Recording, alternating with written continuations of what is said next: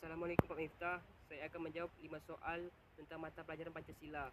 Yang pertama, berikan dua contoh etika pribadi yang pernah anda rasakan dan alami saat berinteraksi dengan lingkungan sosial.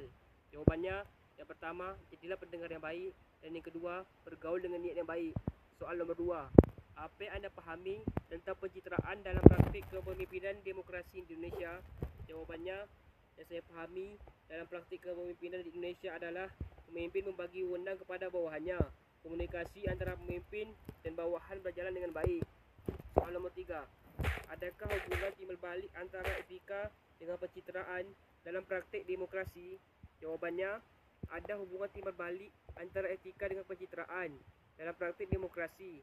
Di mana demokrasi memang tidak membatasi suara ataupun kebebasan rakyat. Tetapi demokrasi membatasi peran pemerintah agar tidak bertindak sewenang-wenang. Soalan nombor empat. Mengapa fenomena tuduhan pencitraan kerap menempel pada seorang pemimpin? Jawabannya, karena kebanyakan masyarakat telah memakan stigma perkataan dari yang lain sehingga mengatakan pencitraan kepada seorang pemimpin. Soalan nombor lima. Apakah pencitraan selalu bermakna negatif? Jawabannya, tidak selalu pencitraan pencitraan ada negatif. Ada pencitraan yang positif. Contohnya, pencitraan dengan tujuan agar ditiru dan diteladani sehingga kita tahu bahawa pencitraan ini pencitraan yang positif.